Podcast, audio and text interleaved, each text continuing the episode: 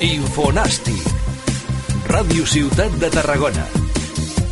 Jesús Sarmiento. El Nàstic de Tarragona ha realitzat pel moment sis incorporacions en aquest mercat d'estiu i resta l'espera de completar la plantilla amb quatre o cinc cares noves més. A molts jugadors els coneixem de veure'ls competint contra els granes en aquesta segona divisió. Abraham Minero, Michael Mesa, alguns com Toscano s'han format també a la pedrera tarragonina, però d'altres en sabem ben poc. Per posar color als noms i començar a desgranar què ha fitxat el Nàstic i què veurem dissabte contra el Villarreal, hem parlat amb diferents periodistes i professionals que els han vist de prop. En aquesta primera part valorarem a Omar Perdomo, a Michael Mesa des de Tenerife i coneixerem també la incorporació de Tete Morente procedent de l'Atlètic Balears. Per saber-ne més de la dupla canària, contactem amb Yendi Hernández, d'Onda Cero, el company de Tenerife, coneixedor dels dos jugadors. Què tal, Yendi? Hola, ¿qué tal? Buenas tardes. Dos eh, jugadores canarios tenemos en el Nastic esta nueva temporada, fichaje de Michael Mesa y Omar Perdomo. Eh, quizás el primero no lo conoces eh, mucho básicamente por lo que hemos hablado antes, eh, que pasó por las categorías inferiores, pero sí que conoces bastante a Omar. Lo habéis tenido en el Tenerife. ¿Qué sensaciones os daba este fichaje y cómo lo ves pa- para el Nastic esta temporada? Bueno, Omar Perdomo es un futbolista que, pese a su juventud, no es un jugador todavía por hacer. Es un jugador que ya está eh, totalmente formado, quiero decir. Estamos hablando de mm, un extremo derecho. eh, yo destacaría como su característica fundamental la intensidad, muy intenso en todo lo que hace, los desmarques, eh, esa ruptura que tiene por fuera, es bastante rápido también. Y después yo creo que es un jugador bastante trabajador, ¿no? Eh, que es bueno en el espíritu de equipo, que ayuda también en el balance defensivo y sobre todo que es muy atrevido en el campo, ¿no? Eh, yo creo que el Nastic de Tarragona ha fichado un jugador eh, muy osado, eh, ya lo verás, ¿no? Va a intentar pegarle siempre, tirar a puerta prácticamente donde esté situado y en este sentido a mí me parece un fichaje muy interesante para el Nastic y un jugador sobre todo que, que tiene muchas ganas. La temporada pasada no jugó mucho en el Tenerife, es cierto, eh, partidos desde el banquillo, aunque al final incluso acabó bastante bien la temporada en lo físico, marcó un gol, golazo del centro del campo en la última jornada en Zaragoza, incluso en el playoff de ascenso con el Tenerife jugó algún minuto, ¿no? Yo creo que, bueno, el Tenerife además ha- la marcha de Omar Perdomo se ha visto, no voy a decir con tristeza total, pero sí ha extrañado, ¿no? Porque sí es un jugador que desde el banquillo le daba minutos de calidad al equipo y que en el día a día, como es tan trabajador, tan, tan constante, también es de esos jugadores que, que contagia, ¿no? Eh, un poco Mm. esa energía también al grupo. Mm. Eso te iba a preguntar. eh, Omar Pe- Perdomo en el Tenerife no contaba con la titularidad, quizás eh, para las piezas importantes que, que tenía Pep Luis Martí eh, en, en el equipo, en el once inicial, pero sí lo ves aquí eh, en Tarragona siendo titular y cogiendo eh, ese papel importante.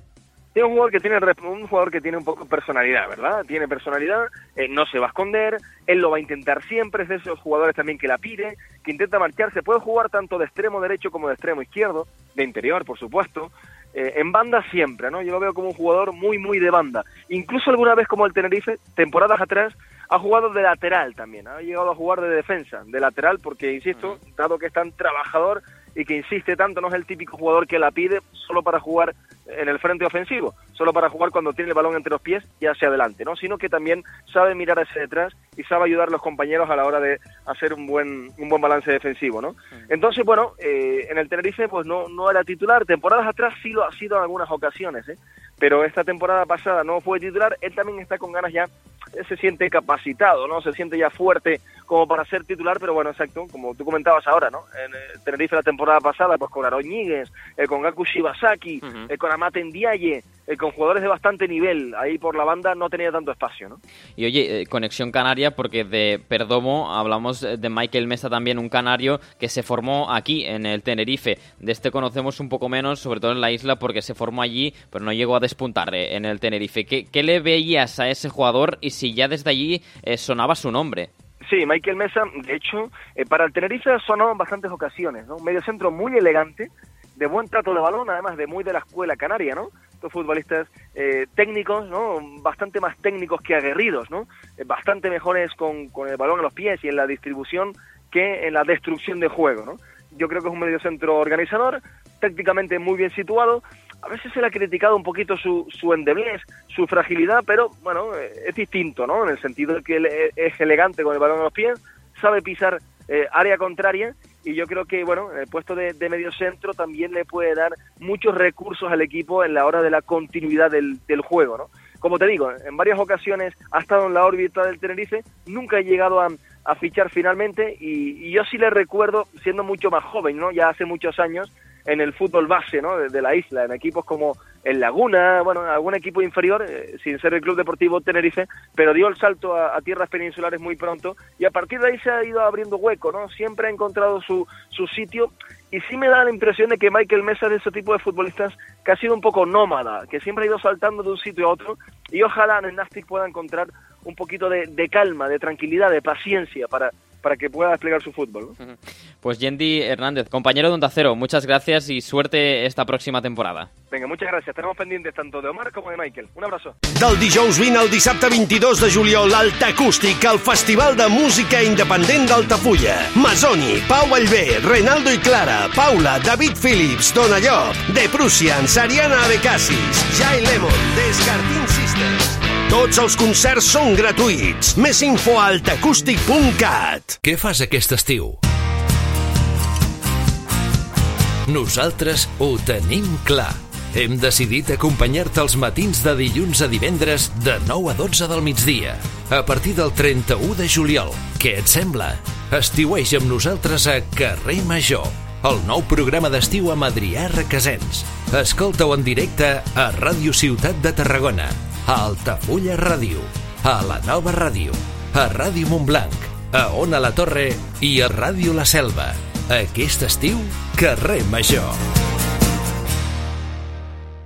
Teatre, dansa, poesia, això és Escena Altafulla, a la Vila Romana dels Munts. Dissabte 29 a les 8 de la tarda, a la plaça Consolat de Mar, dansa sobre xanques. I a les 10 de la nit a la Vila Romana, el Comte Arnau de Lluís Soler, amb quatre gotes de cinisme i bon humor. Entrades a la venda a l'oficina de turisme de la plaça dels Vents i a terracoticket.cat. Més informació altafulla.cat. I dels fitxatges de les Illes Canàries a una altra illa, la de Mallorca, on el Nàstic va pescar Tete Morente. Sobre el seu potencial, xerrem amb Tolo Jaume del diari Última Hora de Mallorca. Què tal, Tolo?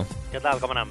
Escolta'm, per valorar una miqueta, fitxatge de Tete Morente procedent de, de l'Atlètic Balears, el vau tenir eh, aquesta passada temporada. No sé quines van ser les sensacions una mica agradolces, crec. Sí, va, ser una, va marcar una línia un tant irregular. Crec que és un jugador amb una, amb una gran qualitat. Aquí va anar autèntic demostracions, sobretot de, a l'hora de, de desbordat, una, una gran cama esquerra, un gran 1 contra 1, però és vera que entre lesions i en situacions eh, pics eh, no sé si conflictives en l'entrenador, que potser li exigia més, més, feina, més feina durant la setmana i sobretot també en feina a l'hora de, de la pressió, que és un jugador més eh, de talent ofensiu que de fer feina de córrer per enrere, eh, li va passar a factura i apareixia i desapareixia. La veritat és que és un jugador almenys que eh, quan va jugar va marcar, va marcar bastantes diferències. De fet, de, des de diferents fonts ens arriba que l'únic problema d'aquest jugador potser és el seu cap, que sol passar en jugadors, però que el seu cap no acaba d'estar ben, ben afincat.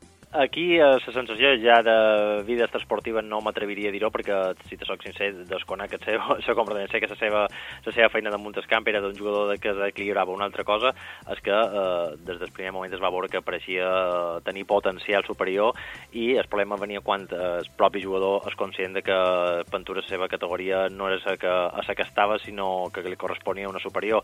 Sincerament crec que és jugador per superior categoria que segona B. Una altra cosa és que el jugador no Ventura té a vegades més, més conscient de, que, de, de, mirar cap a, de que mirar cap en el futur, de que no era el seu lloc la segona B, inclús a, a partits o en situació de, de joc que prioritzava tal vegada eh, un, un canyo, per dir-ho de qualque manera, o un regatejar dues vegades al lateral a la mateixa, a la mateixa acció que posar la centrada o la, o la pràctica. Pics eh, sí que és vera que els xupons, com nosaltres hem dit, eh, molt de pis, o que dèiem eh, que segons quines fases eren els dolents, són els que molt de pics marquen, marquen ara també diferències. Uh, és una mica en, en aquest aspecte de, així, però sí que és vera que és un gran jugador, uh, el penalitza uh, pis aquest lluïment més o aquest cercar el rendiment d'aquest individual que, que és col·lectiu, a lo millor.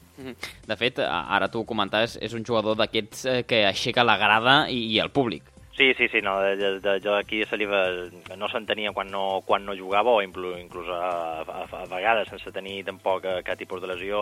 Eh, Cristian Sigui també un entrenador un tant peculiar que va tenir l'Etic Balears la temporada passada i del que el deixava a Sagrada. La veritat és que sorprenia perquè és un jugador, eh, ja, ja dic, aquí a l'afició que el tenia com a desequilibrant. Era titularíssim per, per qualsevol de Sagrada perquè el veus, un, el veus un terreny de joc fer coses diferents, fer coses que no feia cap altre jugador. La capacitat per anar-se'n a su a és, és espectacular espectacular. El Manco dins segona B, es, es, com te comenta, es veia que venia, per, venia apuntant per categoria superior, perquè només té eh, 20 anys pràcticament i que sí que, que ha, de, ha, de donar, ha de donar molt bé, molt més, perquè eh, aquí el Manco a sa illa i a segona B, la capacitat que tenia per anar-se'n contra 1 era eh, espectacular, i tenia molta facilitat per, per anar-se'n i una gran cama esquerra també per centrar. Inclús se veia pits tan superior que eh, ja t'he dit, és que jo l'he vist, l'hem vist regatejar dues vegades en el lateral, regatejar-lo, aturar-se, tornar a esperar, dic, d'una capacitat i d'un talent eh, important. Una altra cosa és veure, llavors, eh, en, en, en duró cap en el, en el rendiment col·lectiu que és en el final que ajudarà a créixer l'equip, que al final és que, que interessa. Mm -hmm. Doncs Tolo Jaume, companya d'última hora de, de Mallorca, moltes gràcies per l'apropament d'aquesta figura i nou fitxatge del Nàstic Tete Morente. Una abraçada. A vosaltres, fins després. Aquestes tres peces, com heu escoltat, poden aportar moltíssim potencial ofensiu a l'equip. En la segona part d'aquest episodi coneixerem més d'Abraham Mirero, Sandro Toscano i Carlos Blanco, els altres tres fitxatges pel moment del Nàstic de Tarragona.